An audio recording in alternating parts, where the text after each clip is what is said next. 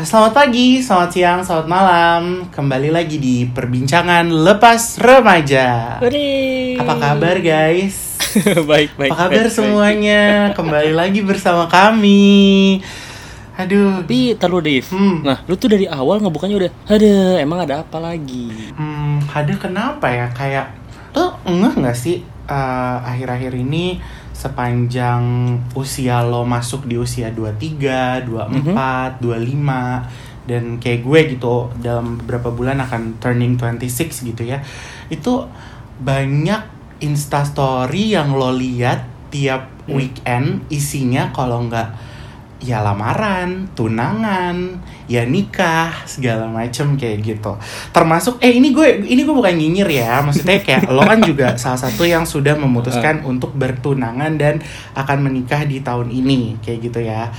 Em, cuma gue tuh kadang suka mikir aja gitu Hmm. nggak, bukannya gue julid atau apa ya. Cuma ada beberapa orang yang gue lihat itu sebenarnya belum siap untuk menikah tapi kayaknya karena peer pressure nih mereka mereka memutuskan untuk menikah Hmm. menurut lo gimana Ah, Oke, ini kita nggak main eh, good cop bad cop ya. Cuma memang gue pribadi ada sekelibat mikir, ih Mhm. gila nih orang kan dulu istilahnya serampangan banget.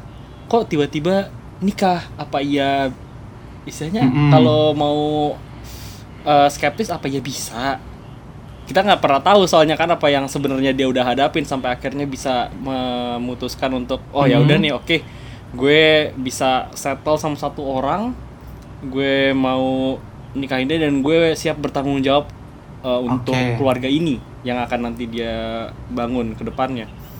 Tapi kalau ya balik lagi itu kan uh, sentimen kita doang di awal ya mikirnya kalau asumsi doang kalau ini anak masih pada muda kok udah pada nikah udah gitu Mm-mm. kayak tiap minggu ada aja lagi yang tunangan lah, Mm-mm. yang nikah lah.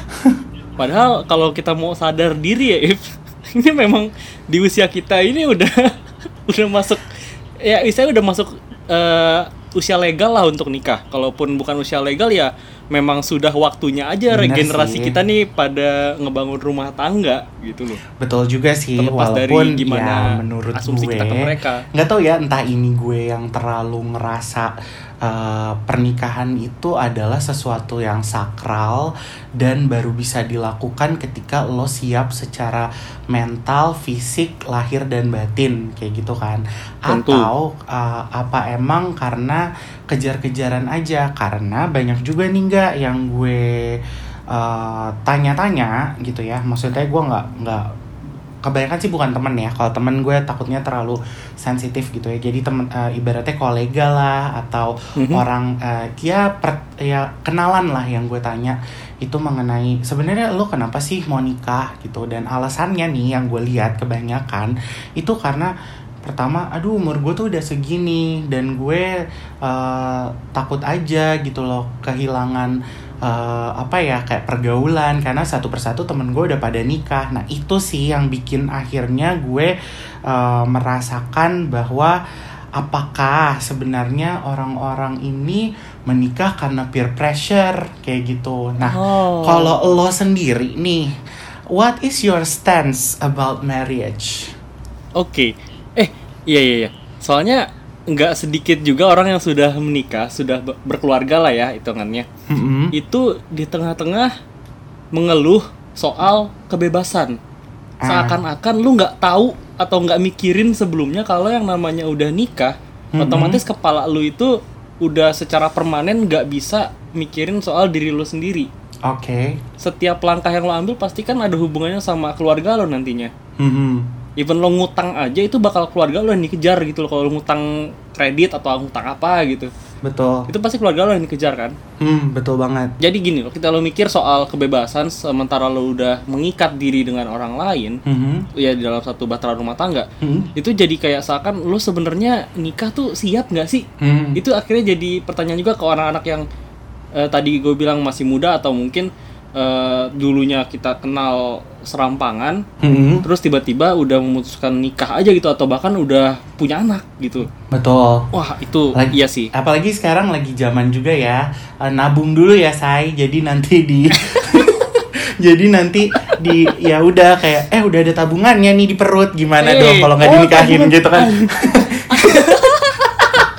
jadi yang gue maksud di sini bukan tabungan finansial Oh. aja ya say karena akhir-akhir ini gue lihat banyak banget nih fenomena ini terjadi jadi gue bukan yang mau Eh, julid itu nanti bakal gue bahas juga. Itu gue bakal Betul. cursing sejadi-jadinya sih. Kayak Oke. ya udah, oke. Tapi sekarang balik ke pertanyaan lo dulu. Mm-mm. What's my stance upon marriage? Mhm. Eh, ini tuh hal yang penting. Bahkan menurut gue pentingnya gini ya. Tapi secara hukum. Karena kalau secara lain dalam artian em, tradisi atau dalam artian agama menurut gue ini ritual semata. oke Ini cuma formalitas. oke Tapi di mata hukum ini penting. Nah, Mhm. gue sendiri udah baca-baca mengenai Mhm. Eh, kenapa bisa gue bilang eh, menikah ini penting karena gini gini gue baca di ini gue kutip dari dokterhukum.com oke dalam hukum Mhm. perkawinan diartikan sebagai perbuatan hukum yang bersifat privat yang apabila dilakukan akan menimbulkan suatu akibat hukum baru seperti timbulnya hak terhadap harta gonogini timbulnya hak asuh anak Mhm. timbulnya hak untuk eh, menafkahi istri dan timbulnya hak-hak lain yang diatur dalam hukum perdata Oke. nah ini tuh ternyata udah diatur juga kalau di Indonesia tuh di UU nomor 1 tahun 1974 Mhm. Da- ada beberapa pasal dari pasal 30 sampai pasal 34. Hmm. Nah, jadi ternyata gini loh, kenapa jadi penting soalnya pernikahan itu ngebuat lo sebagai manusia punya hak dan kewajiban yang em, istilahnya jelas. baik betul Jadi ketika ada apa-apa dengan kita anggap keluarga sebagai institusi. Mhm. Di institusi itu ada apa-apa, semuanya jelas porsinya baik porsi hukuman Mhm. ataupun porsi haknya gitu loh. betul makanya biar lo bisa istilahnya kalau misalkan eh, anggap aja jadi kekerasan gitu dalam rumah tangga. Hmm. kalau lo menikah lo akan punya hak untuk mengadu secara jelas. Lo punya nilai. Ada perlindungan ya Betul. di mata hukum di Indonesia kayak gitu makanya ya. walaupun formalitas tapi menurut gue ini Mm-mm. penting. Selain eh, kalau dari sisi emosional lo kayak bener-bener eh, mengukuhkan eh, kesetiaan lo lah. Anggaplah mengukuhkan eh, itu kayak monumen cinta lo lah kalau yang namanya pernikahan gitu kan. Oke baik. Tua banget bahasa gue kayak gitu ya jadi jadi kalau Hmm. kalau dari lo sendiri stance lo eh, lo men- eh, menganggap itu penting karena semata-mata eh, ini hukum masalah hukum ya maksudnya lebih Iya. kepada Iya. di Indonesia ini pernikahan dilindungi di bawah hukum dan memang eh, itu eh, ada ada benefit dan eh, keuntungan bagi masing-masing eh, individu yang melakukan eh, pernikahan tersebut kayak gitu ya kalau yang dari gue yang yang gue tangkap. Berarti buat lo secara nggak langsung ini udah uh, penting gitu. Penting. tapi kalau gue sendiri ya boleh bicara soal pernikahan Hmm. hmm, buat gue sih sebenarnya penting gak penting ya. Maksud gue uh, sebagai uh, uh, uh, gimana ya gue bilang. Oke let let me stand in the position where I don't have any religion. Hmm. kayak gitu ya. Jadi gue nggak punya religion apa pun. Dan I used to uh, I used to study uh, gue kan lulusan sastra Prancis ya. Hmm. dan pada saat gue kuliah dulu uh, banyak hal-hal baru yang gue pelajarin di uh, sastra Prancis terutama. Karena kan gue belajar tentang ini ya kehidupan orang-orang di Prancis dan juga how they uh, pranata keluarga, pranata politik dan sebagainya. Hmm. Dan khususnya untuk di pranata keluarga sendiri, gue menemukan hal-hal menarik seperti contohnya ada uh, peraturan yang di mana di di Prancis sendiri pernikahan itu tidak tidak harus terjadi ketika dua orang individu itu memang sudah saling melengkapi satu sama lain. Jadi kayak kalau kita bilangnya kalau orang Indonesia bahasa kerennya samen lepen ya, samen lepen kumpul kebo say. Nah, jadi kalau di kalau di Prancis itu tuh uh, itu didukung gitu loh. Jadi Hmm. kayak walaupun lo memutuskan untuk tidak menikah, tapi di saat lo memang stay together, itu lo juga di, dilindungi secara hukum dan juga lo mendapatkan benefit dan hak yang gue lupa gue lupa persisnya gimana karena it's it was like four or five years ago gue belajar Hmm. tentang ini jadi udah udah cukup lama tapi gue ingat tentang beberapa hal kayak gitu terus habis itu dan menurut gue sendiri pernikahan itu ba- sama kayak yang tadi lo bilang sih menurut gue pernikahan itu lebih kepada mom apa ya proklamasi yang menyatakan gue udah nggak akan gue tidak akan apa pergi dengan orang lain atau apa gue hanya akan hidup uh, sehidup semati sama lo ibaratnya Ya, ya. atau seandainya uh, apa gue nggak bisa bilang sehidup semati sih karena kebanyakan kan pada akhirnya banyak juga yang bercerai ya bo Hmm. gitu jadi kayak at least uh, for for the long run lah ibaratnya gue akan bersama Yeah. lo sampai akhirnya gue entah gue bosen entah gue memang akhirnya menerima lo apa adanya atau bagaimana kayak gitu jadi buat gue sendiri sih kalau dari sisi gue sih orang yang tidak beragama gue tidak eh, gue tidak mendukung pernikahan kalau memang udah dia didasari suka sama suka dan memang lo eh, apa namanya setuju untuk menjalani hidup lo berdua Hmm. gitu loh dengan uh, pra- dengan peraturan yang lo buat perjanjian yang lo buat sendiri ya Hmm. why not gitu kan nggak Yeah. perlu sampai repot-repot menikah dan akhirnya nanti ketika lo menikah lo harus repot bercerai ya kalau cerai kan cerai kan nggak cuma hukum doang ada cerai Iya, iya, agama iya, ada benar-benar. cerai hukum ngurus ini itu ini itu. Sementara kalau seandainya lo choose to live together gitu ya Hmm. living together dengan ya udah kita bagi porsi masing-masing. Misalnya yang bayar listrik gue yang bayar ini lo gitu. Tapi ya udah jadi kan gak ada harta gue gini say. Ibaratnya mobil gue mobil gue mobil lo mobil lo Oh, gitu kan. oke. rumah gue rumah gue. Kayak gitu tapi balik lagi gue gue gue selalu berharap gue ada di posisi itu but well again gue adalah datang dari keluarga yang beragama jadi buat gue Hmm. pernikahan itu ya bisa dibilang penting sih pentingnya karena em, kalau ngikutin hampir semua agama kan pernikahan itu dianggap sebagai ibadah kayak gitu ya. Hmm. ya jadi eh, seperti itu sih. Jadi gue kayak cuma ngasih gambaran aja karena gue sendiri tuh in- sampai sampai saat ini in between whether I wanna get married or not kayak gitu. Jadi gue belum tahu uh, should I stay in this uh, position or this. Jadi gue cuma mem- memberikan dua gambaran itu aja. Jadi uh, kayak gitu nah kira-kira ada pertanyaan lain gak seputar pernikahan ini yang menurut lo perlu kita bahas di sini mumpung topiknya lagi seru nih Nah, oke. Yang namanya eksekusi pasti ada perencanaannya dong. hmm. Nah, kalau eh, anggaplah pe- sekarang perencanaannya dari kepala lu dulu deh. Hmm. Apa yang eh, ngebuat lo akan mutusin ingin menikah? Mm-mm. Gitu. Anggaplah kalau lo setuju dengan konsep pernikahan ya. Hmm. Gue penasarannya kayak gini. Soalnya ada beberapa orang yang bilang, e, gue nggak tahu sih mutusinnya kenapa ya. Tapi gue ngerasain ini orang klik aja Oh. gitu. Lo pernah dengar statement kayak gitu? Wah juga? basi sih Gue tuh udah sering banget denger statement itu hampir dari semua temen gue Hmm. Tapi setiap gue tanya Ya gimana gitu Ngerti gak sih lo ketika Hmm. orang kan ditanya How how do you know that he is or she is the one? Ah oke ya udah klik aja. Ya klik tuh gimana Gantung woy Gue gitu ya? nggak ngerti gitu kan kayak ah, ya gue ngerti sih saat gue gue klik dengan orang seperti apa. Tapi kan kebanyakan kan klik dengan orang itu ya udah se- sebatas klik dengan orang aja bukan yang sampai oke gue I wanna spend my whole life with this person gitu ya jadi Iya. kalau gue Hmm. sendiri eh tadi apa pertanyaannya sampai lupa kan tuh gue yang membuat gue memutuskan untuk menikah ya kalau gue kalau seandainya gue memilih untuk menikah Ah. Hmm, apa ya?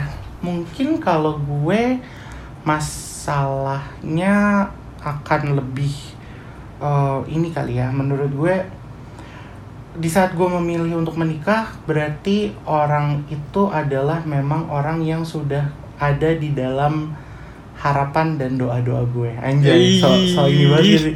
tapi tapi honestly honestly speaking ya um, well buat mereka buat teman-teman yang tahu gue dan kondisi gue saat ini they I mean like I don't wanna I don't wanna explain about it gitu kan tapi uh, Aha. deep down inside my heart ada satu orang yang selalu gue sebut dalam doa gue sampai hari ini Oke. dan gue sangat berharap dia jodoh gue gitu loh walaupun pada akhir walaupun sekarang misalnya gue dengan orang lain gue bagaimana bagaimana tapi entah kenapa udah hampir 10 tahun terakhir doa gue orang ini terus gitu. Jadi seandainya dia bukan jodoh gue ya gue nggak akan nikah. Gitu aja sih kalau gue Oh, kayak gitu. oke. kayak mungkin mungkin uh, memutuskan keti- ketika lo tanya uh, ketika gue memutuskan akan menikah apa adalah ketika gue menemukan sinyal dari orang ini. Kalau orang ini telah memberikan sinyal kalau ayo gue mau si- siap hidup dengan lo dan gue juga udah siap secara uh, financial ya terutama karena gue orangnya uh, serba duit gitu kan. Jadi gue kayak gue nggak mau ngidupin anak orang kalau gue sendiri belum bisa uh, menghidupi diri gue sendiri gitu kan ibaratnya. Mungkin itu sih gue sesimpel itu sih nggak Hmm. kalau kalau memutuskan untuk menikah. Kalau uh, found the one banyak sih temen gue yang cerita soal baru kencan pertama udah langsung diajak nikah. Ada Oke. juga yang uh, apa namanya uh, dan dan itu benar itu terkocak sih jadi sahabat gue sendiri gitu ya uh, dia itu pacaran sama orang gue, udah sahabatan sama dia dan selama gue sahabatan sama dia dia udah berapa kali ganti pacar ya? Tiga kayak ya, tiga kali. Dan Oke. apa namanya itu dia kalau pacaran tuh lama-lama coy masalahnya. Oh, tapi itu berarti lo kenal Se- eh, selama SMA oh dari oh udah oke dari SMA. udah sembilan gue udah sembilan pokoknya gue kenal dia pertama kali 2011 tapi gue mulai close dengan dia sampai gue sedekat sekarang tuh dari 2013 Oh, oke, jadi oke. tujuh delapan mau 8 tahun gitu ya nah selama 8 tahun gue kenal dia itu gue tuh kenal semua mantannya dia gitu loh yang ada yang deket banget mantannya sama gue yang maksudnya dalam arti kata uh, asik sama gue ada yang gue bener-bener nggak suka Hmm. gitu loh ada juga yang eh tiba-tiba si suaminya dia sekarang ini adalah orang yang bener-bener bikin gue sampai hah? gitu loh. Hanya tuh bukan karena karena gue nggak support lebih kayak kaget aja gitu. Tiba-tiba one day uh, dia pulang uh, kebetulan dia di dunia entertain gitu ya. Mhm. dan dia waktu itu pulang syuting gue jemput dia ke airport. Jadi dia bilang jemput gue dong di airport. Oke gue jemput terus dia ngomong terus habis itu dia langsung kayak gue mau cerita gue dideketin sama cowok terus entah kenapa di, uh, dia nyebutin cowoknya uh, spesifikasinya begini begini begini. Spesifikasi, entah anjing. kenapa iya kayak, kayak ibaratnya dia udah dia ngasih tahu karir cowoknya tuh ini ini ini gitu di Hmm. kepala gue tuh udah langsung nama si cowok yang yang jadi suaminya dia sekarang ini gue kayak jangan bilang sih ini terus gue dia langsung kayak kalau bisa tahu nggak tahu feeling aja gue gue bilang kayak gitu. Gue nggak tahu. Tapi lo yakin? Gue sampai kayak gitu gitu. Uh-huh. lo yakin? Ya nggak tahu. Dia baru mau ngajak gue ketemu minggu eh, apa dua minggu lagi. Dan setelah dia ketemu dia cerita sama gue kayak dia udah- dia eh, apa first date. Pulang dari first date nya itu eh, malam si cowok langsung ngajak ketemu si nyokapnya Oh. dan itu udah ngajak ngomong serius gue sampai pas dia cerita tuh gue sampai yang cuma hah gue bener-bener cuma hah doang gak kayak gue seneng for eh, I I was very happy for her tapi di Hmm. satu sisi gue kayak kok bisa sih secepat ini Nggak, gitu loh nggak, kayak bentar, bentar, kayak bentar. ini tuh Hmm. gue gue sebagai eh, sobat eh, korban FTV FTV ya ha ini kepikirannya ya kayak mungkin yang Hmm. cowoknya di kepala gue tuh bau babah gitu bau babah yang sodagar Heeh. Heeh, udah Oh, udah enggak. kepala 8 kepala 8 kepala 9 gitu kan udah kayak buntutnya Naruto ha itu terus temen lo ya ya seumuran kita gitu yang Nah. yang memang mencari daun muda Iya. gitu loh Nah, at first gue tuh ju- gue juga sempat kayak kok bisa ya si cowok ser- sesiap ini gitu dengan dengan First mengajak nikah temen gue. Iya, sumpah gue sampai kayak hah anjir lo lo jangan bercanda sama gue. Hmm. Kalau misalnya kayak uh, tapi memang dari akhirnya dari mereka eh dari dia dilamar sampai menikah tuh juga memang ada jaraknya karena si cowok memang karirnya juga alhamdulillah bagus banget jadi dia harus settling everything first sampai akhirnya dia uh, menikah kayak gitu dan itu menurut gue salah satu cerita apa ya cerita romantis yang menurut gue sampai kayak oh ternyata bisa loh kayak gini. Dan si cowok tuh seumuran kita juga gitu loh. Cuma ya memang kuncinya adalah lo memang balik dari dari dari mereka berdua gue belajar ada eh, di saat lo siap secara fisik secara mental Mhm. secara finansial dan secara apa pun gue rasa ya bisa aja gitu loh. Lo datang ngelamar orang langsung kayak gue mau nikah kayak gitu. Kayak gitu sih. Jadi kayak it's it's somehow it's funny and gue sampai sekarang selalu ngerasa that one's like Disney princess stories you know Iya, uh, bukan DC Princess sih, lebih kayak FTV FTV kocak sih gue ngeliatnya kayak itu yang, lu kenal "Anjir, kok bisa kan sih?" lu gitu. kenal sama orangnya Iya, kayak ka- sementara sementara banyak temen gue yang udah pacaran puluhan nggak puluhan ya sebelasan Mhm. tahun atau mungkin yang udah mau 10 tahun atau udah 10 tahun gitu itu bahkan sampai sekarang uh, belum menikah Hmm. sampai uh, dengan alasan-alasan tertentu yang mereka punya gitu loh padahal yang itu gue banyak justru itu banyak Ah, yang gue justru harapkan adalah mereka duluan kan yang bakal nikah, ngerti gak sih lo? Karena pacarannya lama ternyata terbukti orang-orang eh, balik lagi adalah yang siap akan kalah dari yang lama. Hmm, kayak gitu ya gak sih? Iya, iya. Itu totally true dan relatable. Ibaratnya gini say, percuma tahan lama tapi kalau nggak siap. Ih, mampus. kayak gitu ya nggak sih Iya iya iya. nah iya. kalau lo sendiri gimana lo ada nggak cerita kayak gitu apa ya kalau cerita yang kayak gitu enggak sih tapi sejauh ini eh, soal pernikahan gue ngelihat banyak eh, pihak yang hmm. pengen banget eh, nikah tapi dan pacaran udah lama tapi ya gitu ada satu pihak, pihak lainnya belum merasa siap entah dari sisi apa karena gue lihat kalau secara ya ini dari gue yang tidak kenal ya tidak hidup eh, di lingkup mereka ya secara reguler kayak mungkin bukan keluarga istilahnya Eh, Hmm. gue ngeliatnya kayak lu udah pada mapan lu udah ya anggaplah Mm-mm. saling saling sayang dong tentu kalau nggak nggak bakal lama lah istilahnya kecuali memang lo ada kontrak Betul. gitu kan pacarannya kontrak gitu. Tapi kayak kalau udah gitu gue nggak ngeliat apa yang kurang lagi sih gue ngerasanya ya memang karena belum ada keinginan aja. Terus bahkan ada yang udah ya beberapa tahun pacaran dan udah ngebahas soal Mhm. pernikahan tapi sampai detik ini belum diajak ketemu sama orang tua. Belum diajak main ke rumah lah istilahnya. Itu itu biasanya yang belum diajak main si cewek ya ya nggak? Iya iya benar asli gue kalau jadi cewek itu gue udah langsung kayak mau lah apa anjing? Udah, udah kayak gitu loh nggak sih? Gue bakal kayak mau lah apa anjing udah lama banget woi. Masa lo nggak mau kenalin gue ke keluarga lo gitu enggak sih? Maaf ya guys Nah, itu kasar. dia. Gue gue juga nggak paham. Cuma kalau eh, dari yang gue denger sih memang pasangannya pengen settle dulu. Dalam artian settle tuh udah siapin eh, hunian terus kayak Hmm. ya udah siap segala macamnya lah sebelum akhirnya ngebawa anak Hmm. orang untuk eh, hidup bareng dia gitu oke loh karena ya mungkin si cowoknya bener sih mikir kalau si temen gue ini biasa hidup enak jadi kayak jangan sampai sama gue malah ada downgrade nih gitu loh oh paham paham paham But still untuk sekedar dikenalin, eh, saya udah tahunan tapi nggak dikenalin tuh gimana ya? tapi si keluarganya tahu atau nggak tahu? Tahu sih pacar nggak mungkin nggak tahu sih. Itu aneh tapi. Nah, soalnya kan takutnya kayak kayak temen nggak nggak nggak. Lo jangan lupa temen kita salah satu teman kita yang backstreet 7 tahun jangan lupa ceritanya lo tau kan maksud Iya, gue iya, kayak kalau itu kan keluarganya nggak tahu gitu kan. Eh nggak tahu dia backstreetnya 7 tahun apa berapa tahun? Halo mudah-mudahan lo denger ya. Coba tolong diluruskan lo berapa tahun backstreet gitu kan. Karena kan emang si keluarga cewek nggak tahu dia pacaran sama si cowok ini sekalinya eh, sampai akhirnya dia eh, apa namanya tahu si eh, apa si dia pacaran sama Mhm. cowoknya tuh setelah berapa tahun gitu. Nah, ini jadi intinya si keluarga cewek si keluarga cowok ini tahu si cowok pacaran sama cewek ini. Tahu tahu. Oh, oke. Jadi berarti tapi berarti bukan backstreet lebih kepada nggak mau dikenal belum mau dikenalin dikenalin, aja gitu ya. Oh, paham. Unik ya. Unik sih. Kayak gue gue penasaran pasti orang tua nanyain sih. "Eh, kamu tuh punya pacar nggak Hmm. sih? Punya kan? Kalau punya kok nggak pernah ada wujudnya. Apakah Hmm. dia seperti Hatsune Miku yang cuma karakter 3D gitu loh? Atau cuma hayalan gitu kan. iya makanya. Oke, jadi em, ad- berarti ada juga ya ke eh, cerita-cerita unik yang kayak gitu. Ada yang indah kayak temen lu, ada yang ya agak-agak bittersweet Oke. lah ya. Bukan by Najla tapi. Oh, hai, shout out. Oke, jadi eh, itu tadi eh, kita udah ngebahas soal apa your stance, terus eh, how is it important, and then eh, Mhm. terus habis itu apa aja yang memutu- membuat lo memutuskan untuk Nikah. uh, nikah gitu kan dan ada juga beberapa cerita yang tadi kita bahas.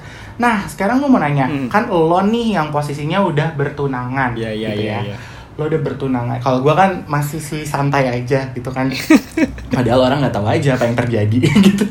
canda, canda. Terus habis itu maksud gue kayak gue mau nanya, menurut lo apa aja yang penting banget dalam perencanaan pernikahan lo sampai lo bisa uh, ngerasa lo tuh siap banget gitu loh sama uh, apa Mhm. maksudnya dengan Nadine gitu kan Uh, apakah lo memang selama ini punya tabungan bareng atau punya apa-apa bareng apa gimana lah pokoknya apakah ada ada hal-hal tertentu uh, yang apa yang kira-kira membuat lo ngerasa lo siap banget dan si apa namanya dan lo ya lo datang ke keluarganya Nadine kayak oke saya mau ngelamar anak bapak kayak gitu itu apa yang membuat lo ngerasa siap Eh sebelumnya gini ya. hmm. Tolong buat lo semua yang punya tabungan Ah. pernikahan Mhm. Tapi di satu rekening Mhm. tolong jangan tolol. Kenapa tuh suka Eh. dipakai ya? Tolong dipisah aja lo kalau nabung komitmen berdua laporan keuangan satu sama lain nggak usah pakai satu tabungan bareng. Oke. Ada pengalaman beberapa orang bahkan ada yang gue kenal juga itu duitnya habisnya dibawa kabur Eh, anjing. itu itu tai sih. Kayak goblok. Oh mama, santai say, santai. Sumpah tapi ini seru sih, tapi ini seru. Gue pernah denger juga cerita-cerita kayak gini. Terus terus banyak lu kayak iya itu dia eh, bahasan soal nikah ini jadi penting karena istilahnya gini loh kalau lo bikin bareng satu akun tabungan bareng itu kan jadi istilahnya milik bersama bener milik bersama Mm-mm. tapi di mata hukum jadi nggak ada kejelasan pembagiannya gitu betul. loh Apalagi kalau ditaruhnya di uh, salah satu rekening itu ya, karena kan nggak mungkin namanya atas nama berdua gitu kan. Nah. kalau si rekening itu. betul kalau pakai atas nama yang ngambil ya udah emang punyanya dia mau gimana lu Iya, lo nggak bisa lo nggak bisa Apa nggak banding. kebakaran jenggot Betul di mata hukum lo udah udah kalah coy kalau kayak Cuma gitu. itu, terus itu terus. Tolonglah jangan jangan tolol lah ya buat yang lo kalau ngerasa romantis punya tabungan bareng sama pasangan lo itu nggak perlu dalam satu akun Hmm. bikin dua akun tapi laporan keuangannya bareng-bareng laporan keuangannya yang bareng-bareng Oke. gitu loh Oke, Terus terus. nah kalau dari gue sih eh, kesiapan yang perlu selain finansial yang pasti gue nggak bakal kepikiran nikah kalau gue belum punya karir yang jelas. Oke. Terus itu juga lo mesti kalau menurut gue dari awal lo mesti berani transparan soal pendapatan lo ke pasangan lo. Oke. Jadi eh, kalian bisa ngitung dulu apakah seenggaknya buat hidup ke depannya dulu aja deh itu udah cukup gitu loh buat Mm-mm. hidup bulan Hmm. Perbulanannya. Kalau kalau pesta pernikahan tuh ibaratnya nggak usah dibikin me- mewah-mewah banget. Yang penting abis itu lo masih bisa makan Ah. ya kan gitu. Ibaratnya apakah lo berdua bisa hidup nyaman dalam arti kata kalau memang belum punya rumah apakah sewa rumah atau apa tuh lo, lo ada Iya. duitnya gitu loh. Terus habis itu makan juga ada gitu. Soalnya itu ternyata soal hunian itu ada diatur juga loh. Oke. Pasal 32 yang tadi UU gue sebut Oke. yang tahun 74. Nah, itu tuh diatur di pasal 32. Pasal satunya suami istri harus mempunyai diaman yang tepat. Oke. Dan yang keduanya tadi rumah tempat kediaman yang dimaksudkan dalam ayat 1 pasal ini ditentukan oleh suami istri. Hmm. Emang itu wajib. Oke. Soalnya kan nggak mungkin lo nomaden di negara yang ya bisa dibilang udah punya hukum ini. Oke. Lo mesti punya domisili yang eh, yang lengkap lah, tepat gitu loh. Hmm, paham. Oke, jadi itu salah satu eh, berarti tadi kayak kayak yang gue tanyakan berarti lo secara secara oke lah mungkin secara fisikal dan mental gitu ya lo udah siap gitu Ber- tapi Mhm. selain itu berarti yang lo siapkan juga adalah si financial eh, financialnya ya seperti itu Pertama sangat eh, fokus ke finansial dulu, Mhm. baru nanti kan ada yang namanya tes ya, tes eh, kesehatan ya. oh yang ini ya pemerintah ya, Ya tes kan? layak nikah itu ya Mm-mm. Astaga itu Mm-mm. ada loh, gue gue kaget loh kayak mohon maaf itu udah kayak uji emisi kendaraan beb gitu. Gue gue pas tahu anjir emang lo kata gue bemo apa bagaimana? Ternyata emang penting ya jadi nggak boleh di skip ya guys Penting. gitu jadi itu ternyata penting, dulu sebagai formalitas. eh oh iya.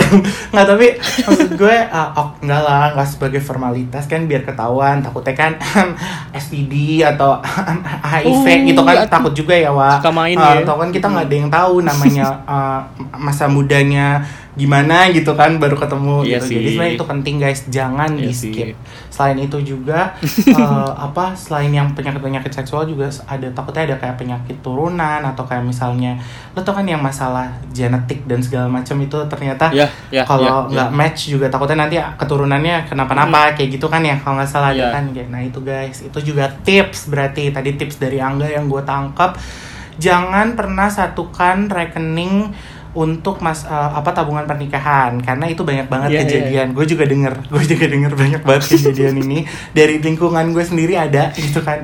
Terus yang kedua eh, apa tadi nggak? Eh, lo memang harus eh, transparan ya sama pasangan. Transparan. soal penghasilan lo berapa dan uh, sebagainya supaya nanti ke depannya tuh nggak ngerasa kayak karena gini loh banyak juga loh laki-laki yang mohon maaf ya gitu mau kondo gitu kan. Akhirnya didefinikan dicari sendiri ya artinya mau kondo apa. Nggak enak gue ngomong di sini. Iya. itu cuma saya banyak juga yang modal kolang Uh, kaling. modal et modal em doang. Terima kasih. Si maksudnya dalam arti kata uh, ketika ketika melamar si perempuan terlihatnya parlente dan sebagainya tau taunya Hmm, ujung-ujungnya uh, ya gimana gitu kan jadi menurut gue Lu juga yang Ah, bayain. si perempuan juga yang biayain atau malah keluarganya atau gimana itu tuh maksud gue mohon Iya. mohon diperhatikan baik-baik deh geng jangan jangan salah pilih hari gini gitu kan nah kita udah ngobrol ya soal apa soal pernikahan dan sebagainya sekarang nih kemarin kan kita ngelempar pertanyaan ya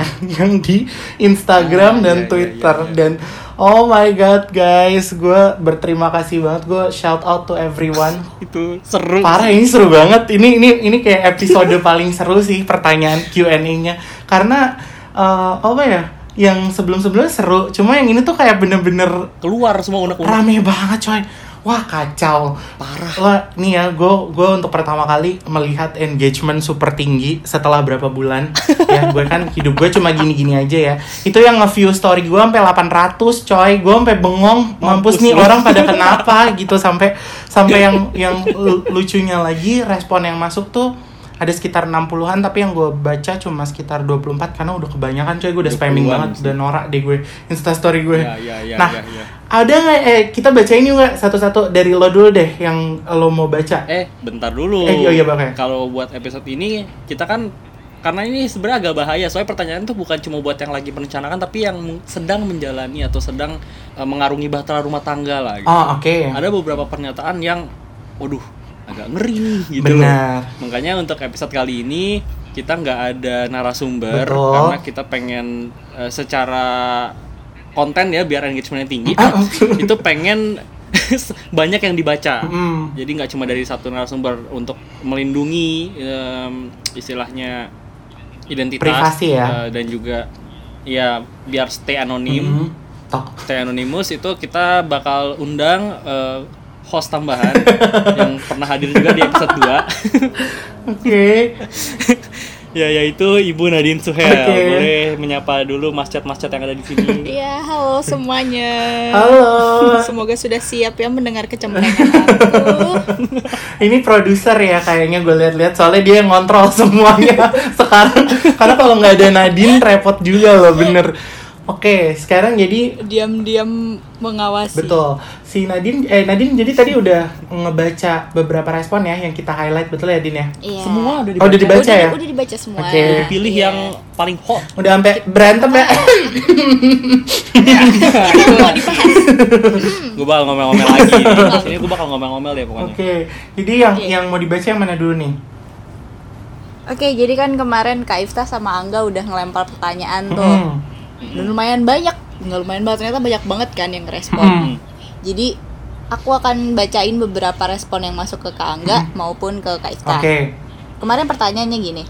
Kenapa sih banyak pasangan muda yang terkesan buru-buru menikah? Oke. Apakah dorongannya murni sebagai closure dari hubungan Yup. atau sudah tercemar peer pressure yang kian mengancam? Baik. Nah, jawaban yang pertama nih.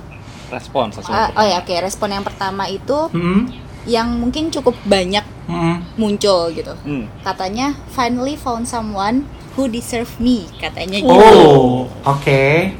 Ini jawabannya apa respon yang masuk ke Kak Ifta. Betul. Oke. Terus eh jawaban Kak Iftanya mau dibacain nggak?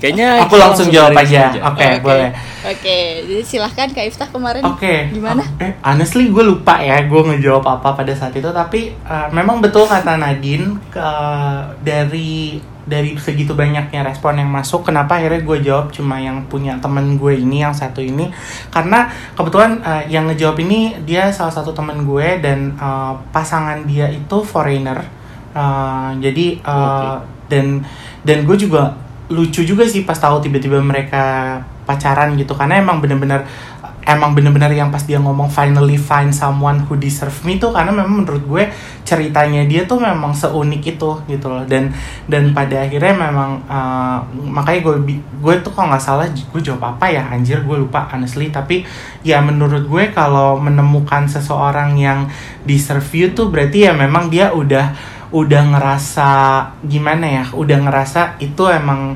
emang yang terbaik buat dia. Cuma memang kadang di situ juga kalau nggak salah gue menjawab uh, how do you know that he is the one? Nah itu tuh yang selama ini jadi Nah. pertanyaan gue. Even di cerita temen gue yang tadi gue mention juga itu ya sebelumnya. Kayak Hmm. kok bisa sih langsung tahu ini the one? The one tuh kayak mana gitu loh? Gue tuh karena gue gue udah tahu gue udah pernah ketemu the one. Tapi eh, gue gue sendiri nggak tahu apakah ini akan jadi the one gue selamanya atau cuma the one at the moment atau kayak gimana kayak gitu sih nggak gitu Nah gini, gue tapi punya pertanyaan. Mm-mm. Soalnya kalau baca dari nada responsnya, Mm-mm. ini kan lo terkesan love yourself banget nih, Mm-mm. ya kan? Kayak I, I I need to look for someone who deserve me. Mm-mm. Terus misalkan di anggaplah ini sekarang pertanyaan gue arahin ke lo ya. Mm-mm. What qualities does someone need to have to deserve you? quality ya Hmm, Ya. gue tahu gue itu orang yang gak sabaran gue tahu gue Hmm. orang yang uh, I mean like I am a, I I was born to be the only child gitu ya dan you know how gitu loh gimana orang-orang yang the only child walaupun gue gue uh, walaupun gue grow up di family yang sepupu rasanya kayak kandung gitu. Jadi gue walaupun gue anak satu-satunya gue punya adik-adik sepupu yang memang udah kayak kandung gue gitu ya. Uh, jad- jadi walaupun gue ada ngalahan gue ada gue tahu cara ngalah dan bagaimana bagaimana tapi tetap aja gue itu anak tunggal dan gue nggak pernah tahu oh, rasanya uh, hal-hal tertentu yang mungkin yang tahu tuh orang-orang yang punya adik atau punya kakak kayak gitu. Mungkin gue ada egois egoisnya jadi gue kalau akan ngerasa di saat gue mencari seseorang yang menurut gue deserve me adalah orang yang ngerti gimana caranya ngehandle gue ketika gue marah ketika gue sedih sama ketika gue lagi uh, stres. Bukan malah menambah uh, apa ya menambah beban di gue gitu loh dan gue juga akan melakukan hal serupa ke dia kalau misalnya dia bisa melakukan itu ke gue jadi kualitinya lebih kepada uh, apa ya mungkin dia secara mental ready gitu loh maksudnya dewasa gitu loh nggak kayak gitu loh sih kalau menurut gue Hmm, hmm. hmm, makanya gue demen Kalau dari Ibu Nadine gimana nih kira-kira? What kind of person that deserves you? sebenarnya jawabannya hampir-hampir sama sih kayak Kak Ifta dan Mm. mungkin untuk kebanyakan orang juga sama gitu kan kayak ya kalau emang udah bisa menerima seutuhnya diri kita dan Mm.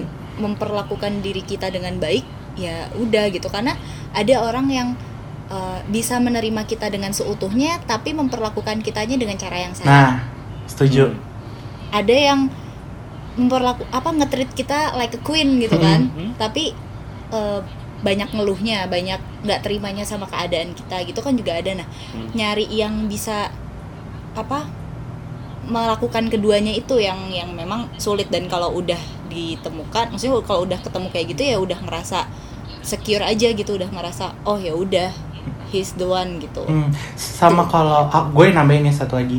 I mean like I have a very uh, unique past. Kayak bisa gue bilang, seandainya if I finally find someone that uh, apa that ya yang mau sama gue gitu ya, perempuan yang tiba-tiba mau sama gue gitu ya, itu gue akan lo tau kan pas gue kayak gimana kayak gitu. Walaupun Iya. gue nggak segila yang orang-orang pikirkan, tapi ya people know who I am gitu loh. Are you ready with the fact that I am like that? Kayak gitu loh. Ah, walaupun pada akhirnya ketika gue ketemu the one ini pasti gue akan totally serius gitu. Cuma lo siap nggak dengan masa lalu gue kayak gitu? Karena ada kan orang-orang yang Someone with a big heart. Ah, kan ada orang yang nggak, maksudnya even ya yang yang normal-normal aja gitu kan banyak yang nggak siap dengan masa lalu pasangannya kayak gitu. Hmm. Seperti itu stage. That kinda hits hard. nah ini untuk mengingatkan sedikit ke Kak Ifta Oke, Iya. Kenapa jadi Kak Iftah yang di sana? oke. Jawaban Kak Iftah kemarin itu Ha-ha. sedikit memicu pertikaian internal. antara, Aduh. antara aku dan Angga karena ada satu kalimat Kak Iftah yang ngomong gue selalu penasaran karena mungkin gue belum pernah nemu doan Iya kali betul. ya gitu. Betul. Sa kan gini kalau untuk yang follow dan mungkin jawab apa pertanyaan dari Kak Iftah dan Angga Hmm. itu kan Kak Iftah dan Angga format pertanyaannya sama nih Mm. Ya. format jawabannya Desainnya sama, sama. desainnya sama. Jadi Template-nya sama ya. Apa? Iya pas storynya ngelewat tuh nggak ngelihat dulu di ujung Namanya kiri siapa? atas namanya siapa. Apalagi kalau tulisannya panjang biasanya ditahan kan, langsung hilang tuh. Iya, Kalau tengah betul. layar kan hilang tulisan Namanya. eh, profilnya siapa. Bener. Yang ada di pikiran saya waktu itu malam-malam tuh baca begitu kayak, hah lu belum nemu doang. Terus ngapain lu ngajak nikah gua? Itu sumpah. Anjir. gue langsung kayak dia tiba-tiba cemberut kan. Gue nanya dong. "Eh, kamu kenapa cemberut? "Hmm, nggak apa-apa. Biasa. Nggak apa-apa nggak apa-apa. Nggak ada nggak apa-apa. Muka lo Aduh. kayak dompet gue kalau tengah bulan. Terus kayak nggak nggak nggak nggak. Serius dia ada apa sih? Hmm. itu jawaban yang di story. Hah? Gue langsung ngecek story gue Ah. dong. Kayak nggak nggak nggak. Storyku semua bercanda jawabannya nggak ada yang Serius? nggak ada yang istilahnya ber ke- ya be- nggak ada yang istilahnya berisiko buat nyinggung orang gitu. Ah. ah enggak nih kamu lihat aja gitu. Pas lihat woi. Langsung gituin lu jangan bercanda ya. Ah. ini jawabannya Iftar. Ini kalau jawabanku tuh nggak ada yang pakai font ini terus eh, komposisinya begini nggak ada. Jawabanku semua bercanda. Pas dilihat oh iya deh Iya, maaf. sumpah, Ah, wah, gelap. Sumpah ya guys, Nadine tuh ngechat gue kayak kak aku habis berantem sama aku pikir aku pikir ini jawabannya abang lah. Anjir gue bilang ke itu gue Din. Gue bilang kayak gitu. Gue udah ngakak anjir. Aduh ya Allah Emang nih topik Oke, oke, saking oke. sensitifnya nih topik makanya kita nggak berani Iya. ngundang narasumber coy takut berantem Iya. bukan apa apa Iya maksudnya in- internalnya aja undang orang lagi Makanya. yang yang bikin topiknya aja berantem Iya. gitu apalagi kalau kita ngundang orang takutnya kalau ada sidang apa kita yang jadi saksi tuh betul betul amit amit Coy, jangan sampai. oke oke nah sekarang respon kedua nih karena emosinya lagi pada rada-rada menanjak nih. Saya tambahin aja Oke. ya biar ini makin bener-bener Be, naik ke Everest gitu. Mascot sejati nih. kemarin jawabannya gini sejujurnya saya jadi kepikiran nikah karena hampir gara-gara telat dicabut anjir. tapi ternyata takdir berkata lain eh kalau charger telah dicabut bisa lo ganti baterainya ya waktu dan tempat Eh, saya persilahkan. Honestly ya, gue pas baca itu gue gue mikir loh, bukannya otak gue tuh jorok ya guys. Cuma maksud gue kayak gue gue sempet kayak ah maksudnya dicabut tuh dicabut apa sih? Apa emang dia udah nih udah ada perjanjian atau ada tun udah tunangan terus dicabut tuh takutnya di berhentiin gitu atau call off the engagement atau apa gitu. Pas gue baca lagi anjing, totonya yang dia maksud adalah ah, bangke gue bilang kayak gitu.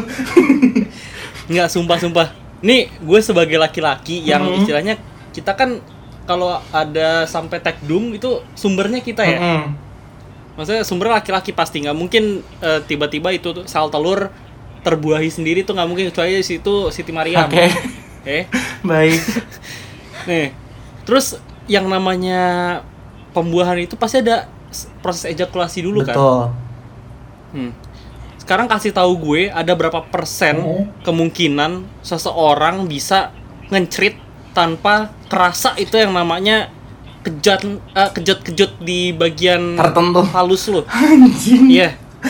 Itu yang namanya mau ejakulasi pasti palus lo tuh kedat-kedut Oke. kayak gitu loh. Itu pasti kerasa nggak mungkin enggak. aduh ya Allah Tuhan. Ini kayaknya bisa-bisanya lo ini harus cabut tuh anjing ini lo emang besok anjing egois bangsat pas- bodoh gitu. Pas upload di Spotify gue nggak bisa put it as clean deh, kayaknya explicit deh kayaknya.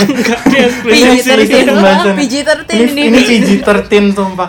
Iya sih bener, gue juga setuju sih maksud gue kayak itu gue itu kayak it's either emang ya udahlah lanjut aja apa kayak apa emang kayak gimana sih gue bingung deh semua sama sama sama jawaban itu jujur. Nggak, nggak gini. Kalau buat para perempuan di luar sana Mhm. yang eh, takut hamil di luar nikah, Hmm. yang which is mostly ya, Hmm. tolong lo tanya dulu ke pasangan lo sebelum kikuk-kikuk, Hmm. eh, lo pernah coli kagak? Oke. Tahu kenapa penting? Hmm. Soalnya gini. Oke, kalau coli, kalau pernah coli, berarti lo tahu kan itu yang namanya mau ejakulasi pasti kedut-kedut. Jadi kalau lo udah mulai ngerasa begitu, jangan lo paksain. Goblok. Tarik buru-buru. Setan. Sumpah dah. Kesel banget ya sumpah. Tapi gue menurut gue ya, it- tapi kalau gue ya mungkin akan kalau gue jadi cewek ya, gue akan lebih mengedukasi gini sih. I mean like kalau lo memang sadar lo itu sexually active gitu ya, lo pakai birth control aja sih, kan nggak apa-apa. Berkontrol, Iya maksud gue ya. kayak banyak yang bilang pakai kondom juga ya benar. kan, pakai nggak kalau nggak pakai pakai KB kan banyak juga kan orang yang nggak nikah tapi pakai KB kan Hmm. maksudnya yang Kan alat itu khawatirnya suka pada takut gemuk gitu loh. Mm-mm. Ada yang bilang gitu kan. Mm-mm. Iya. Karena KB kan itu cocok-cocokan hormon Iya, kan. Kalau enggak kan yang mukanya breakout lah atau apalah. Oh iya. Dan Oh. setahu aku kan kalau di Indonesia kalau dapetin pil KB pakai resep ya. Oke. Iya. Resep dokter ya. Ah, nggak maksudnya nggak sebebas di sana gitu pun pakai itu loh pakai resep sekarang Iya. Oh. Control sama KB apa beda ya Dok? sama Oh ya. maksud gue kalau yang yang alat itu juga harus itu ya. morning Iya, after iya, morning itu after kan- maksudnya itu kan- morning after pill tuh juga mesti pakai Bukan itu. cong maksud gue Resep spiral yang kayak gitu-gitu itu juga pakai iya itu resep kan ya? ah, iya itu kan dipasangnya pun sama dokter kan Oh. nah itu maksudnya nggak tahu ya mungkin stigma orang untuk untuk minta KB ke dokter kandungan selama belum menikah tuh mungkin masih rada tabu banget gitu kan di Indonesia Oh, gitu padahal ya benar. sebenarnya buat alasan kesehatan juga toh gitu biar biar apa ya eh, biar eh, siklusnya lancar gitu I see, paham paham. Oke, lanjut ke pertanyaan berikutnya ini terlalu panas. Nah, oke. Ini terlalu panas ya. Oke, terlalu panas. Kita kita kita ke yang lucu-lucu dulu. Oke. Nggak nggak lucu sih ini masa depan orang ya. Cuma Oke. gimana. Jadi gini katanya, apa nih sedang merencanakan kawin kontrak karena tiap ditelepon nyokap Heeh. nyuruh nikah mulu katanya gitu. Oke, Nah. ini gue ini contoh peer pressure nih ini ini peer pressure Ini banget salah sih. satu peer pressure yang Ini family pressure kayaknya ya. banget Mungkin ini lebih ke family Iya. pressure sih kayak. Ya, Mungkin ya ya balik lagi eh, lo tinggal di Indonesia. I mean like we live in Eastern apa culture dari kecil gitu kan. Mhm, mhm. Ya kalau nikah tuh emang kalau lo nonton drama Korea juga beberapa drama Korea tuh banyak yang men- me- menggambarkan uh, si orang tua orang tuanya tuh ketika anaknya udah umur udah kerja kayak gitu tuh mereka ditanya kenapa? Kapan lo mau nikah? Kapan lo mau nikah? kayak gitu. Jadi ternyata memang bukan Hmm. cuma di Indonesia dan di negara-negara yang mungkin Melayu aja gitu ya tapi hampir semua negara timur selalu mempunyai eh, apa ya menurut gue stigma. Kalau misalnya lo nikah terlalu tua tuh lo dianggap apa ya kayak maaf ya bukannya apa gue gue banyak sih punya teman perempuan yang belum nikah saat umurnya udah 30 something atau apa tapi menurut gue dia happy happy aja gitu loh mereka happy happy aja dan I'm I'm happy for them gitu cuma banyak di eh, sedihnya di Indonesia tuh stigmanya ketika lo belum nikah lo perempuan umur lo udah 30 30 plus lo belum nikah Mhm. lo tuh yang dianggap gagal gitu loh sama masyarakat atau gimana Oke. sebenarnya mah kan menurut gue ya suka-suka hati orang ya maaf ya vagina vagina gue kenapa lo yang repot gitu loh? Gue whether whether gue mau punya gue mau punya anak kayak gue mau nggak punya anak kayak gitu kan. Itu ah, itu nanti topik berikutnya ya betul jangan dibahas. Iya. apa itu kan oh, itu akan jadi satu episode panjang betul lagi. itu kan keputusan gue dan kenapa lo harus memaksa gue untuk nikah. Apa apalagi banyak kejadian di mana mereka yang dipaksa menikah muda atau terpaksa menikah muda hasilnya gagal kan ya kan? Kayak gitu ya. Jadi menurut gue tapi ya itu sih Hmm. yang tadi gue bilang gue rasa gara-gara stigma itu itu yang jawab cewek apa cowok ya? Ang- ingat gak lo? Ini pertanyaan. gue lupa ya? lupa deh. Lupa deh. Kalau cewek sih kayaknya karena itu sih mungkin ya. Kalau cowok mungkin karena emang udah enak kayak kali di, disuruh kawin mulu sama maknya kayak gitu. Oh, oh ingat sorry. Ini perempuan, perempuan sih ya. Eh, nah, oke. Kalau gue juga punya jawaban sebenarnya Mhm. eh, punya respons lah soal ini gue eh, sangat gue pas baca ini kepikiran sama lagunya Petra Siombing yang baru yang judulnya apa Mm-mm. itu tuh ada satu bait yang eh istilahnya kayak sums up our lives gitu loh. Mm-mm. Jadi gini, kayak apa yang kau cari, lulus, kerja, menikah, beranak, apalagi. Mm. Itu kayak somehow kalau buat gue yang eh, agak against em, so sama istilahnya kayak ketetapan orang-orang tua Mm. soal eh, kehidupan seseorang yang mana harus ya udah lulus lo sekolah lulus kerja Mm. nikah terus beranak Hmm. itu kayak em, nggak nggak deh kayaknya nggak harus kayak gitu deh Mm. dan gue senengnya dia em, bikin orang mikir secara eh, apa secara lebih bebas gitu loh Hmm. kalau hidup lo tuh seharusnya tidak harus seperti ini juga Mm. maksudnya hidup lo tidak harus serta merta ngikutin pola yang sudah ada sejak zaman dulu Mm. kenapa emang kalau lo nggak ngelakuin salah satunya toh masih banyak hal yang bisa lo cari sebenarnya kan Mm. Eh, tapi kalau soal peer pressure ini mungkin karena dia perempuan, eh, mungkin juga pernah tercetus dari pikirannya soal punya anak. Akhirnya orang tuanya jadi kepikiran, makanya nanyain dulu. Soalnya gini, kalau untuk beranak sendiri kan, untuk persalinan sendiri ada batas umurnya ya, untuk Iya, yang betul. istilahnya eh, tidak menambah risiko terhadap Hmm. eh, pihak yang eh, melahirkan Hmm. mungkin karena udah dirasa takutnya keburu ya keburu masuk ke usia tersebut Hmm. akhirnya em, malah jadi Pressure. tidak Hmm. bisa ya tidak bisa mendapatkan impiannya itu loh Hmm. mungkin si anak eh, punya impian punya keturunan tapi ternyata karena terlalu lama mungkin apa berkarir kuliah segala macam Hmm. eh, jadinya eh, nggak apa istilahnya eh, nggak sempet lagi Hmm. karena ya tadi itu Menopause ya. hal yang lain Iya kan karena soalnya Ah, cewek ada iya, menopause bener. jadi berisiko Bener, karena memang kalau di gue nggak tahu ya laki-laki tuh ada menopause atau enggak, tapi kalau perempuan kan emang ada menopause dan umur umur setahu gue yang gue tahu dari pengalaman nyokap ya itu kalau nyokap kan menopause-nya dipaksa terpak eh, apa um, menopause-nya force karena memang waktu itu dia sakit dan harus eh, angkat rahim. Jadi waktu umur 48 apa 49 gitu nyokap gue udah udah menopause. Tapi dari pengalaman yang gue baca dan gue cari tahu rata-rata memang perempuan itu menopause di usia 48 sampai 58 ya around that one. Karena kan ada juga sih katanya yang sampai 60 masih ini ada cuma rata-rata eh, di sekitaran umur itulah gitu. Dan sebenarnya sih eh, ya itu sih mungkin karena ya mungkin tapi balik lagi ya kebanyakan teman-teman gue yang memutuskan belum menikah di usia tua gitu atau maksudnya usia yang udah lewat gitu ya itu eh, apa eh, mereka memutuskan untuk kayak ya udah nanti seandainya gue punya anak apa enggak ya urusan nanti kayak gitu sih jadi kayak Iya. nggak selalu wajib kayak gitu lanjut ada lagi Nah, ini terakhir deh, oke terakhir. oke Eh, ini mungkin cukup banyak juga, tapi mungkin tidak banyak yang berani menyuarakan juga Hmm. gitu. Mhm. Dia jawabnya gini, nggak bisa kabur lagi karena udah ditodong dari semua arah.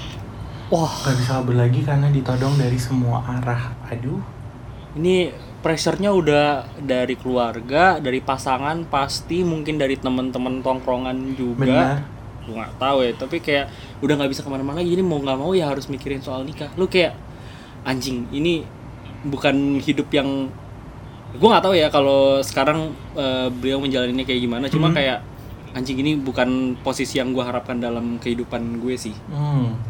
Tuh deh, tapi gue bingung deh ditodong dari segala arah tuh maksudnya apa ya? Emang emang kapan nikah ditanya gitu loh kayak kamu kapan nikahin aku oh oh berarti dari Nodong. pasangannya juga udah nodong gitu ya? iya oh, makanya I see. Gue pikir kan ditodong dari segala arah. Oh iya, iya, ini yang jawab satu orang ya, bukan satu pasangan ya. Kecuali yang ngejawab satu pasangan, gue bingung ya. Lalu kalau ditodong ya bilang aja enggak gitu kan. Oh ini kalau satu orang ya oke, ya oke, gue paham sekarang. Oke, iya juga sih. Tapi kalau misalnya memang pasangan lo udah nodong, terus habis itu keluarga, sebenarnya yang paling bikin beban sih menurut gue rata-rata bukan dari bukan dari pasangan aja ya, lebih kepada keluarga Iya. pasangan, ya enggak sih? Kayak keluarga pasangan itu oh kan iya Iya, apalagi iya, itu iya, kayak lu mau gantungin anak gue kayak Ah, ah, gimana atau enggak kayak ya udahlah kamu kalau misalnya ada yang lain udah main lain aja kayak gitu kan. Lebih yang Wah, kayak gitu gitu kan yang bikin uh, yang siap akan kalah sama yang lama betul kan? yang kayak gitu gue bilang. Iya sih kalau udah kayak gitu sih udah buntu sih bener juga. Tapi Hmm. balik lagi well you still have your own thoughts. Kalau memang menurut lo itu ternyata membebani diri lo dan lo belum siap ya say ya say so lah. Maksudnya kayak gue gua nggak Iya, iya, gue iya, nggak iya. siap. Ya udah kalau emang ternyata gue belum siap lo mau gimana? Terus pada akhirnya lo ditinggalin ya itu resiko lo ya nggak sih? Iya, ya kan? benar. Karena gue cuma ya kalau di ah, kenapa kenapa? Nah kadang menurut gue kayak ya semua ada resikonya. Pertama, kedua kayak kalau lu maksain diri lo tapi mental lo belum siap, takutnya nanti malah Hmm. Nikah berapa bulan berapa tahun bubar ya nggak sih? Kayak gitu. Lebih bahaya lagi mendingan mendingan nggak nikah dulu kan? Maksudnya ntar aja ya nggak sih? Iya, hmm, itu dia sih. itu. Ya tinggal gimana menjelaskan sebenarnya. Cuma Hmm. kalau sampai ya anggaplah sampai akhirnya beneran menikah gitu ya. Hmm. ya gua- gimana ya? Cuma bisa doain aja sih. Semoga yang tadi itu tidak terjadi. Walaupun ya ada sedikit kepikiran pasti dengan pernyataan seperti ini kayak agak terpaksa lah ya Hmm. tapi ya semoga dilancarin aja kita nggak bisa ngapa-ngapain lagi kan cuma bisa doa doang urusan orang itu udah Oke, nih gue punya satu pesan terakhir. Baru-baru ini gue baca Hmm. uh, tulisan yang bagus banget. Gue lupa gue nemu di Facebook, di Twitter apa di mana gitu. Dia uh, tulisannya yang kayak gini. Di saat lo mau menikah, lo jangan punya harapan uh, pasangan lo, uh, misalnya pasangan lo tuh sebenarnya belum siap, atau misalnya pasangan lo punya hal-hal tertentu yang dia tuh belum belum ada hasrat untuk berubah gitu. Jangan dengan jangan lo pikir dengan dia menikah dia akan berubah. Itu salah besar coy. Oh. Lo pas gue gue pernah Ya, baca ya. ini dan gue kayak gue agree banget sama ini kayak jangan lo Ya. pikir pernikahan itu bukan menjadi tolak ukur seseorang akan berubah. Berubah atau tidaknya Betul. seseorang itu berasal dari dirinya dia sendiri. Dirinya sendiri, apalagi ya. tabiat itu kan anjing tabiat ya kan? Bahasa gue udah kasar banget.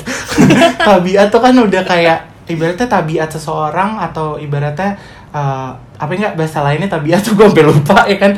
Watak ya? gue tak gue bingung traits ya kayak watak. watak ya. Watak seseorang itu nggak bisa dirubah kecuali diubah sorry bahasa Indonesia gue maaf diubah kecuali uh, apa namanya si orang itu memang berniat untuk mau berubah kayak gitu Berubah. jadi bukan karena dia menikah karena dia punya anak dia berubah banyak yang enggak ya kan dorongannya bisa banyak Hmm. termasuk pernikahan tapi tidak selalu Hmm. jadi jangan berharap setelah dinikahi ya dia akan berubah karena lu enggak enggak Hmm. itu berubah ya tetap atas diri karena kemauan dirinya sendiri betul jadi dipertimbangkan ya guys jangan karena peer pressure sayangilah diri kalian juga kayak gitu kalau emang udah ready harap semua karena closure ya ke depannya Betul, kalau memang udah ready, alhamdulillah godain semoga semuanya lancar gitu kan. Tapi buat kalian yang Hmm. ya termasuk lo berdua nih ya kan, lo berdua gitu kan ya emang lo berdua memang cari closure gitu kan. Nih godain semoga lancar gitu. Cuma buat mereka yang di luar sana hanya karena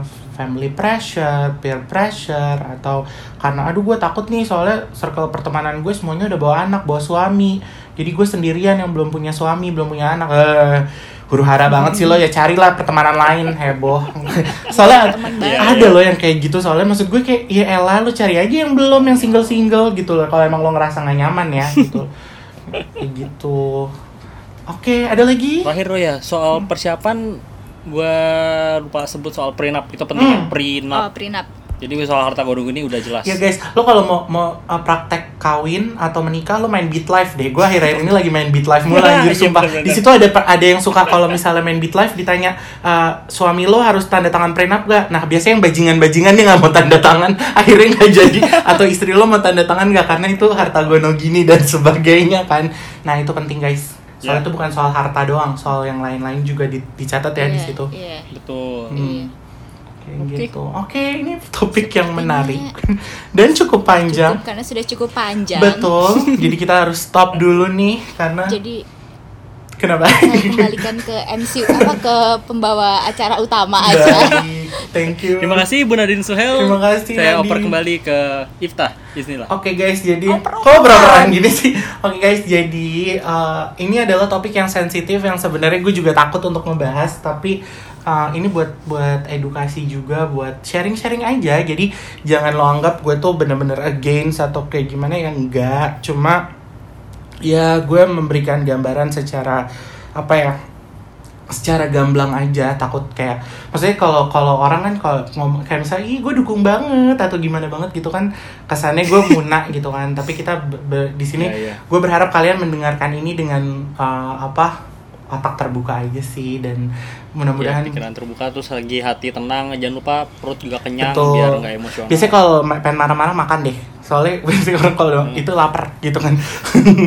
Jadi eh, konklusinya apa ya? Nggak dari perbincangan kali ini hmm, banyak sih ya. Ya pastiin lo siap dulu Hmm. deh. Pertama siap tuh siap tuh lo yang nentuin ya. Hmm. lo dan pasangan lo sih sebenarnya. Hmm, Eh, kalau sudah berani ke tahap mikirin soal nikah ya maka nggak ada alasan buat mundur. eh, nyari kebebasan lagi. Betul. terus eh, mikirin soal ini tanggung jawab siapa ini tanggung jawab siapa enggak itu mesti jelas di awal dulu Hmm. pertama itu dulu deh karena gue merasa kayaknya masalah finansial tuh jadi ya dorong ya istilahnya dorongan utama yang akhirnya akan memis eh, menghancurkan rumah tangga Hmm. Betul sih kayak gitu. Dan juga kayak yang tadi gue ulang-ulang juga di terakhir ya, ya lu jangan lupa orang nggak akan berubah hanya karena dia menikah atau hanya karena dia ya uh, lo nggak boleh punya ekspektasi tinggi ke pasangan lo di saat lo aja nggak bisa memberikan uh, har- apa ya memberikan hasil yang tinggi juga gitu result yang tinggi juga ke Iya, pasangan iya, lo iya. jadi harus sama-sama balance seimbang dan dipikirkan matang-matang mentalnya disiapin finansial disiapin fisik disiapin uh, plan up terus cek layak nikah dan sebagainya juga harus di- dilakuin gitu ya.